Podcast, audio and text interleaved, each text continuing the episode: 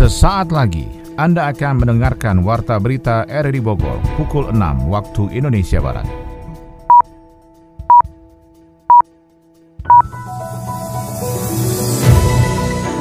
Selamat pagi, salam jumpa. Kami hadir kembali dalam Warta Berita edisi hari ini, Jumat 6 Oktober 2023. Informasi ini juga turut disiarkan melalui audio streaming lewat RRI Play dan juga disiarkan lewat Radio Tegak Beriman Kabupaten Bogor, Jawa Barat dan Anda bisa akses di Spotify RRI Bogor. Berita utama pagi ini adalah Presiden Jokowi berpesan kepada anggota TNI untuk terus menjaga kondisi politik yang damai. Pemerintah siap membantu TikTok membuat kanal e-commerce baru. Polisi mengejar pelaku pembunuhan perempuan di Tanah Sareal, Bogor. Saya Melani Snarto, inilah Warta Berita selengkapnya.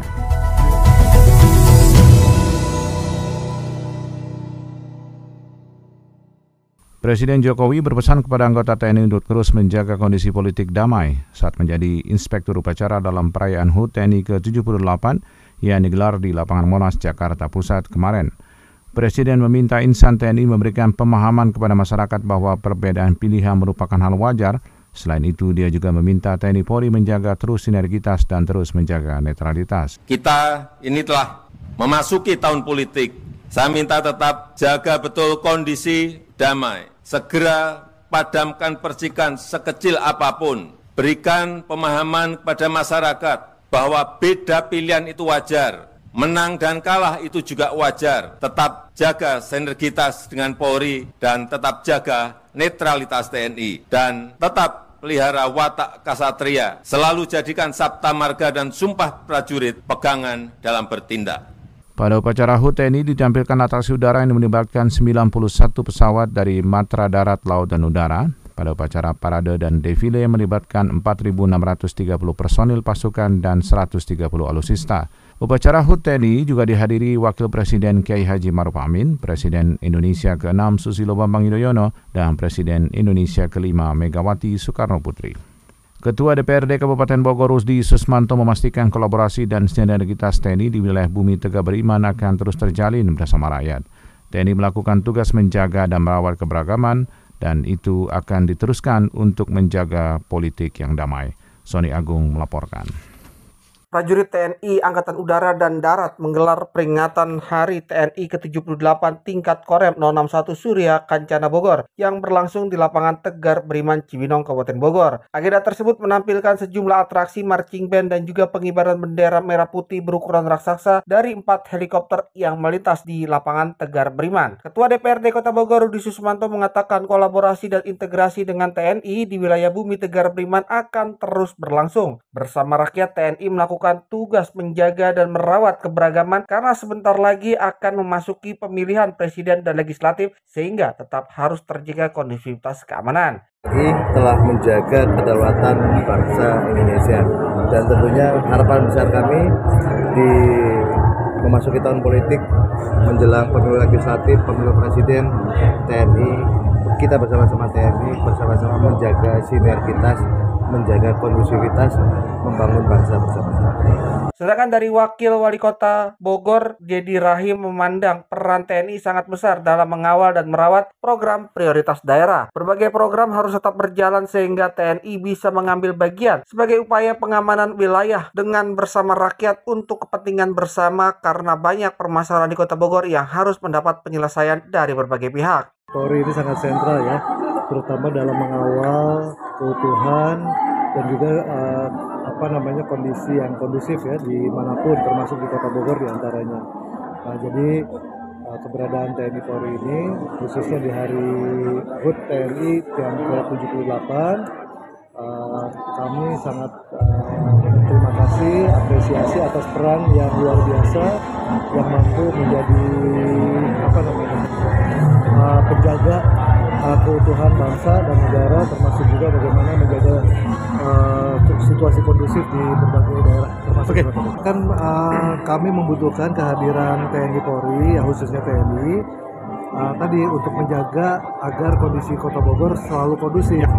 Jadi tentu kalau pemerintah Kota Bogor kan hanya uh, punya dasar yaitu uh, peraturan daerah Nah tentu kalau ada hal-hal yang perlu didorong, dibantu oleh TNI Polri, tentu kami akan menyampaikan permohonan untuk bantuan uh, perlindungan ya, uh, bagaimana kami menegakkan peraturan daerah. Sementara itu dan Rem 061 Surya Kancana Bogor, Brigjen TNI Ananur Rahman menegaskan upaya menjaga kondusivitas wilayah di dalam jajaran teritorialnya menjadi sesuatu yang penting. Untuk itu sebagai upaya menciptakan keamanan tersebut saat menjelang pemilihan presiden dan legislatif, seluruh jajaran TNI sudah menyatakan netralitas dalam berbagai tahapan pemilu. Untuk menjaga keamanan juga berlangsung sehingga jika ada masyarakat yang akan melakukan tindakan anarkis atau mengganggu keamanan saat pemilu, maka akan berhadapan dengan TNI. Jadi kita pastikan bahwa semuanya berjalan dengan lancar dan aman. Ada yang spesial kan kita dengan satuan TNI dan Polri yang ada di sini di wilayah Bogor Raya. Saya pikir uh, tidak ada hal sulit ya. Kita sudah pasti kedudukan kita di mana netralitas itu sangat jelas dan sering sudah ditekankan. Jadi uh, kita tidak memihak mana pun, kita netral. Tidak ada salah satu fasilitas TNI apa pun yang bisa dimanfaatkan oleh parpol ataupun caleg dan pilpres yang lainnya. Jadi uh, ini saya pikir masyarakat juga pasti mengawasi dengan baik dan tentunya dari kita internal juga selalu dibatasi sampai mana kita boleh berbuat. Kita ada di rakyat. Ya tentunya kita bergerak bersama rakyat. Jangan sampai nanti dimanfaatkan oleh kelompok tertentu. Kalau ada kelompok tertentu atau pribadi-pribadi yang ingin mengacaukan tentunya berhadapan dengan TNI dan Polri dalam HUT TNI ke-78 ini salah satu bagian untuk membuktikan kemanunggalan TNI dan rakyat karena terdapat sejumlah agenda tidak hanya di Kabupaten Bogor tapi juga di berbagai wilayah Korem 061 Surya Kancana Bogor sehingga bisa merayakan dengan rasa sukacita bersama rakyat. Kita beralih ke informasi lainnya, Kecamatan Sukajaya dan Cigudo, Kabupaten Bogor menjadi lokasi yang rawan ancaman bencana longsor pasca kemarau panjang. Warga masih banyak yang menghuni zona merah rawan bencana itu. Kita ikuti laporan Yofri Haryadi. Kecamatan Sukajaya dan Cigudeg, Kabupaten Bogor menjadi lokasi yang menjadi titik rawan ancaman bencana longsor pasca kemarau panjang ini. Hal tersebut terungkap dengan masih banyaknya zona merah rawan bencana di kedua kecamatan tersebut yang masih dihuni warga. Tidak hanya itu, masih ada hunian tetap korban bencana longsor awal 2020 lalu di Kecamatan Sukajaya yang ternyata juga terjadi longsor susulan. Meski tidak ada korban, namun Bupati Bogor Iwan Setiawan kembali mengingatkan kepada masyarakat untuk waspada Bupati Iwan mengungkapkan ada 3.800 rumah dibangun untuk relokasi warga di Kecamatan Sukajaya dan Cigudeg pasca longsor 3 tahun lalu, yang kini sisa sekitar 700 rumah yang ditargetkan 2024 nanti selesai. Mayoritas di Sukajaya dan Cigudeg ini dari hasil kajian geologi itu banyaknya merah tapi kan kita juga tidak bisa mencari uh, tempat lain yang rata-rata dikuasai HGU. Makanya kita meminimalisasi walaupun zona merah tapi minimalisasi. Ya kita minta hibah dari PTPN ya. Itu yang agak agak nyaman lah gitu. Tapi semua di sini rata-rata zona merah. Coba kalau kita mau tegas ya clear kan ini kosong. Tapi kan masyarakat juga tidak mau. Makanya ada huntap yang sudah dibangun kena bahaya lagi.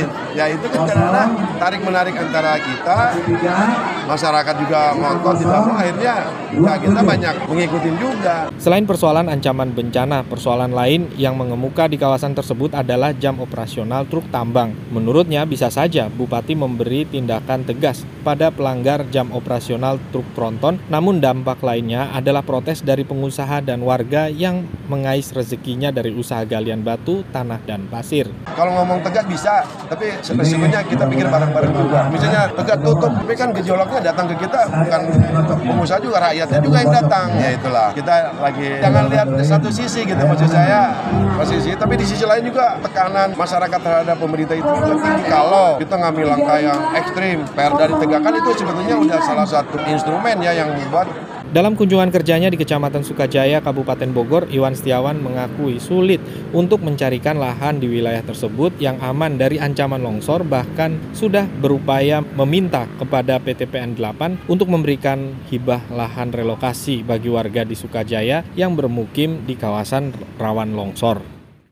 Polisi mengejar pelaku pembunuhan perempuan di Tanah Sarial, Kota Bogor. Berdasarkan pemeriksaan terhadap saksi, ditemukan data dan fakta bahwa ada hubungan antara korban dengan terduga pelaku. Berikut Sony Agung melaporkan.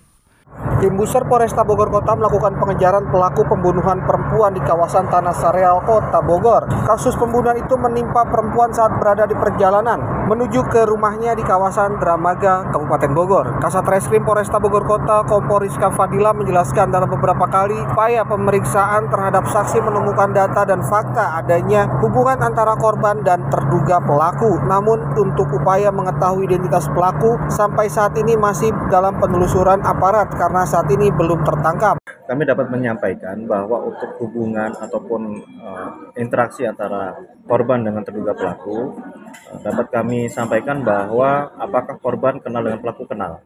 Sejauh mana batas hubungan atau perkenalan mereka saat ini penyidik baru dapat uh, menyimpulkan bahwa ada komunikasi yang intens antara keduanya. Apakah mereka itu berpacaran ataupun dalam hal ini adalah ingin meminta pertanggungjawaban dan segala macam, tentunya hal itu nanti akan dapat kami ungkapkan setelah pelaku ini tertangkap dan dilakukan pemeriksaan. Maaf. Kemudian Hamil nggak?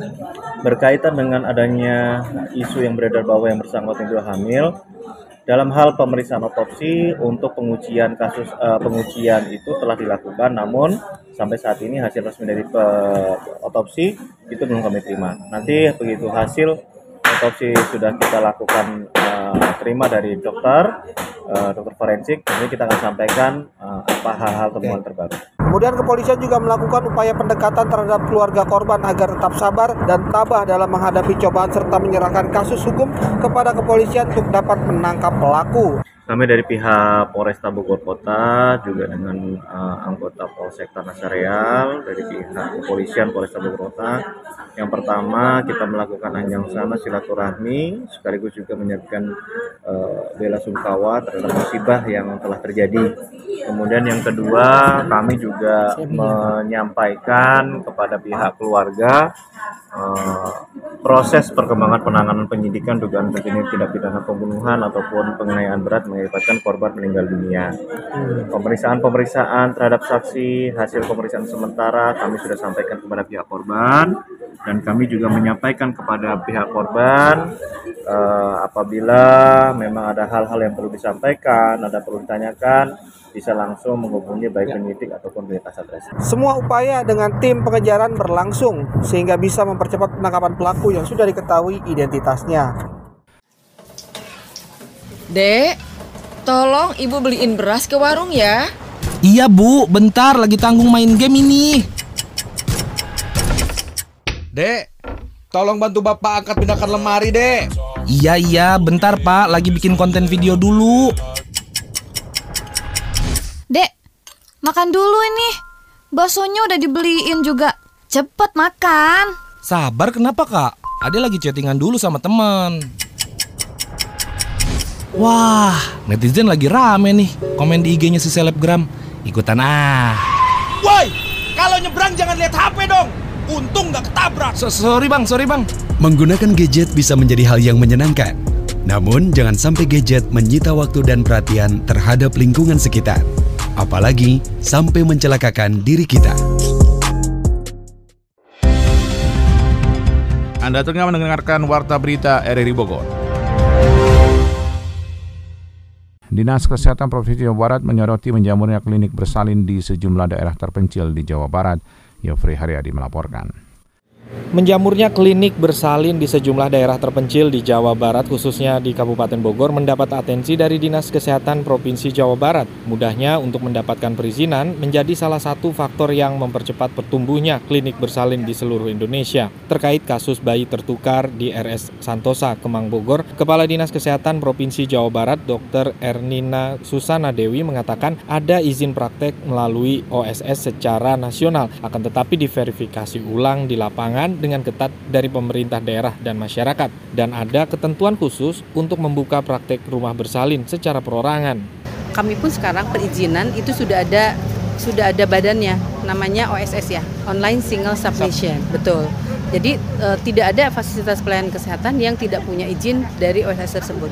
Jadi sudah tidak dilakukan manual lagi, tapi sudah secara digitalisasi. Artinya bahwa semua pasien case tidak rumah sakit, puskesmas ataupun klinik atau dokter pediatri pasti sudah punya izin operasionalnya. Uh, itu nanti uh, tidak bisa secara langsung, Kang. Tetap saja ada jalannya gitu ya, ada ketentuan-ketentuan yang harus kita ikuti terlebih dahulu. Tidak mungkin misalnya uh, ya diputuskan oleh salah satu saja enggak, tapi tergantung kepada tadi ya ketentuan yang sudah kan OSS itu sifatnya nasional ya, ya. bukan per kota kabupaten. Lebih lanjut, Dr. Nina Susana menambahkan untuk mencabut dan membatalkan izin klinik bersalin atau rumah sakit dengan gugatan malpraktek dan kesalahan prosedural SOP pada manajemen rumah sakit, ada bidang khusus yang memberikan rekomendasinya. Betul. Ya, jadi memang eh, dalam hal ini mungkin kita tunggu saja nanti hari Jumat ada pertemuan kami dengan Kementerian Kesehatan beserta beberapa tim yang dalam hal ini uh, ada di Provinsi Jawa Barat ya. Di kami yang terdiri dari Dinas Kesehatan Jawa Barat, Dinas Kesehatan juga ada dari Kementerian Kesehatan, juga ada dari staf ahli. Nanti mungkin setelah kami sama-sama berembuk untuk menyelesaikan kasus ini, uh, baru nanti kita akan uh, laporkan ke yang berwenang ya. Di dalam hal ini yang berwenang menentukan apakah ini malpraktek atau tidak adalah maaf Majelis Kode Etik Dokter Indonesia.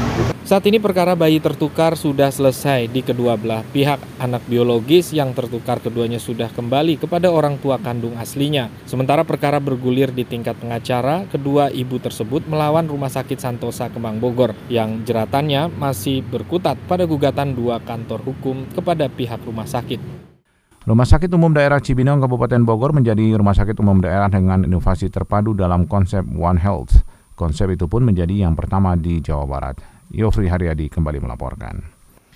Rumah Sakit Umum Daerah Cibinong, Kabupaten Bogor menjadi RSUD dengan inovasi terpadu dalam konsep One Health, menyatukan segala potensi medis untuk meningkatkan pelayanan dan kualitas kesehatan masyarakat. Konsep itu pun menjadi yang pertama di Jawa Barat dalam mengidentifikasi wabah penyakit di Indonesia yang nantinya penanganan wabah penyakit dapat dilakukan di tingkat puskesmas. Selain peningkatan kualitas dalam pelayanan kedaruratan melalui nomor reaksi cepat 112 dan 119 yang terintegrasi dengan Diskominfo, Direktur Rumah Sakit Umum Daerah Kabupaten RSUD Cibinong Kabupaten Bogor, Dr. Yuki Meistisia mengatakan layanan One Health Bogor HD secara terpadu bekerja sama dengan Fakultas Kedokteran IPB University, mengkombinasikan pengobatan modern dan tradisional.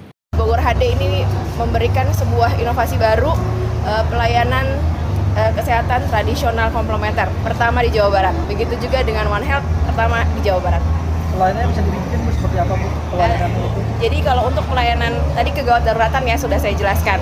Jadi kalau ada uh, potensi wabah, misalnya amit-amit begitu ya uh, flu burung atau covid dari puskesmas kita sudah bisa identifikasi sejak awal sehingga rumah sakit sudah bersiap-siap dulu uh, untuk menghadapi hal-hal seperti itu dan itu sudah terkoneksi dengan eh, satu satu satu dua ya pak? Satu satu dua. Diskominfo dan juga satu satu sembilan Tegar dan kami alhamdulillah mendapatkan dukungan penuh support dari bapak bupati. Sementara itu Bupati Bogor Iwan Setiawan mengapresiasi penerapan program perubahan dalam bidang medis di Kabupaten Bogor. Iwan mengapresiasi proyek perubahan tersebut dan berharap masyarakat tidak perlu lagi pergi ke mana-mana untuk mendapatkan pelayanan kesehatan terpadu di RSUD Cibinong.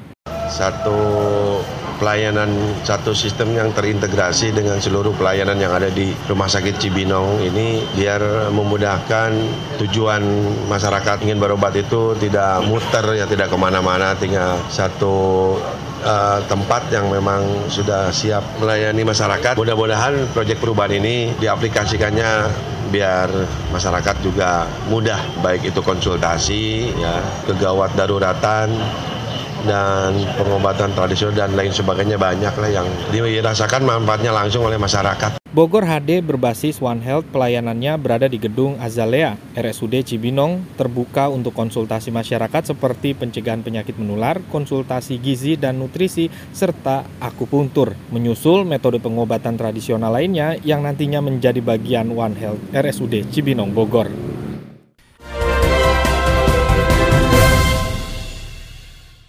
Info ekonomi, pemerintah siap membantu TikTok membuat kanal e-commerce baru. Gelombang pemutusan hubungan kerja di industri tekstil dan produk tekstil dalam negeri terus berlanjut. Adi Fajar melaporkan. Social Commerce TikTok Shop resmi ditutup pada Rabu 4 Oktober 2023. Penutupan tersebut adalah wujud implementasi dari Permendak nomor 31 tahun 2023 sebagai revisi dari Permendak nomor 50 tahun 2020 tentang aturan penyelenggara perdagangan melalui sistem elektronik. Kendati demikian, Menteri Perdagangan Zulkifli Hasan mengatakan pemerintah tidak pernah melarang keberadaan TikTok di Indonesia. Ia malah mengaku akan membantu TikTok jika ingin membuat kanal e-commerce baru. Zulhas pun menjelaskan pemerintah tidak melarang aplikasi apa pun untuk beroperasi apalagi bersikap anti luar negeri. Ia mengatakan pemerintah hanya ingin memisahkan antara platform e-commerce dan media sosial untuk menciptakan level playing field. Sebelumnya Julhas memang menegaskan media sosial tidak boleh berperan ganda menjadi e-commerce sebab hal itu akan merusak harga pasar dan mengancam keberlangsungan UMKM. Lebih lanjut mengenai nasib para seller atau pedagang di TikTok Shop agar bisnis mereka tetap jalan, Zulhas menyarankan para seller yang ada di TikTok Shop untuk pindah ke platform e-commerce. Menurutnya sudah banyak e-commerce yang memiliki layanan jualan secara live. Dengan begitu, seller di TikTok Shop yang biasa jualan secara live bisa memanfaatkan fitur serupa di e-commerce lainnya. Presiden Konfederasi Serikat Pekerja Nusantara Ristadi mengungkapkan gelombang pemutusan hubungan kerja atau PHK di industri tekstil dan produk tekstil di dalam negeri masih terus berlanjut. Menurutnya pemicu gelombang PHK yang masih berlanjut ada berbagai faktor, mulai dari tak mampu bertahan di tengah serbuan produk impor hingga anjloknya kinerja ekspor. Bahkan jika mengacu data Kementerian Perindustrian yang mencatat sepanjang tahun 2022 ada PHK sebanyak 345 ribu pekerja di industri tingkat pengangguran terbuka atau TPT nasional. Dari angka itu tercatat tercatat bahwa total PHK sebanyak 4.584 pekerja sedangkan 460 pekerja lainnya menunggu nasib saat dirumahkan.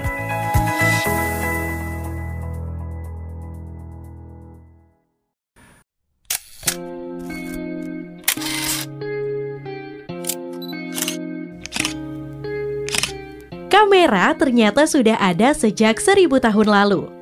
Pada awal abad ke-11, gagasan untuk membuat kamera sudah dikembangkan. Adalah seorang ilmuwan dari Irak bernama Ibnu Al-Haytham. Merupakan salah satu orang yang memiliki peran penting dalam membuat catatan tentang kamera obskura yang merupakan cikal bakal dari pembuatan teori optik yang masih digunakan hingga saat ini. Teori optik pada penemuan ini sama untuk semua jenis kamera.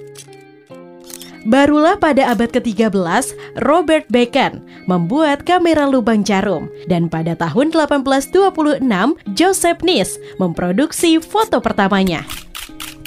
Dalam buku yang berjudul Books of Optic, diterangkan jika perkembangan kamera semakin modern. Bahkan ilmuwan terus mengembangkan teori optik untuk menghasilkan kamera yang semakin canggih.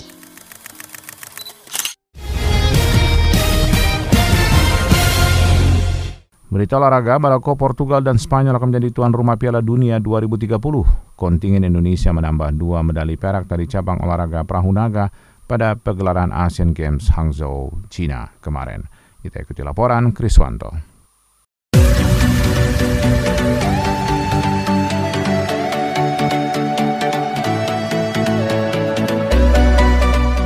Kontingen Indonesia menambah dua medali perak dari cabang olahraga perahu naga pada Asian Games 2022 di Hangzhou, Kamis 5 Oktober 2023 kemarin. Tambahan dua medali perak ini tidak mengubah posisi Indonesia pada klasemen sementara perolehan medali Asian Games 2022. Indonesia menempati peringkat ke-12 dengan total mengumpulkan 32 medali dengan rincian 6 emas, 10 perak, dan 16 perunggu. Pada cabang olahraga perahu naga, dua medali perak ini disumbangkan oleh tim putra pada kategori 500 meter dan tim putri juga pada kategori 500 meter. Tim perahu naga putra Indonesia sukses menempati peringkat kedua pada partai final di bawah Cina dan di atas Thailand. Sementara itu, tim perahu naga putri Indonesia sukses menempati peringkat kedua di bawah Cina dan di atas Myanmar. Selanjutnya pada cabang olahraga panahan, tim kompon bergu putri Indonesia gagal mendapatkan medali usai takluk dari Korea Selatan pada partai perebutan medali perunggu. Maroko, Portugal, dan Spanyol akan menjadi tuan rumah Piala Dunia 2030. Meski demikian, Uruguay, Argentina, dan Paraguay diberi kesempatan untuk memainkan tiga pertandingan pembuka Piala Dunia 2030. Hal ini menunjukkan bahwa untuk kali pertama, Piala Dunia akan berlangsung di enam negara. Hal ini mendapat sorotan dari para pengamat FIFA. Sorotan tertuju pada jarak yang akan dimainkan oleh para pemain ketika Piala Dunia 2030 digelar. Sebagai informasi, Piala Dunia belum pernah dimainkan di lebih dari satu benua. Pada tahun 2026 akan diselenggarakan oleh Amerika, Kanada, dan Meksiko di mana ketiga negara tersebut masih dalam satu benua. Sementara itu, Presiden FIFA Gianni Infantino mengatakan Piala Dunia diselenggarakan di tiga negara sebagai pengantar pesan yang baik. Selain itu, Gianni Infantino menyebut Pertandingan pertama Piala Dunia 2030 akan dimainkan di Estadio Centenario in Montevideo, Uruguay. Stadion ini merupakan tempat yang digunakan ketika Piala Dunia bergulir untuk pertama kalinya pada tahun 1930.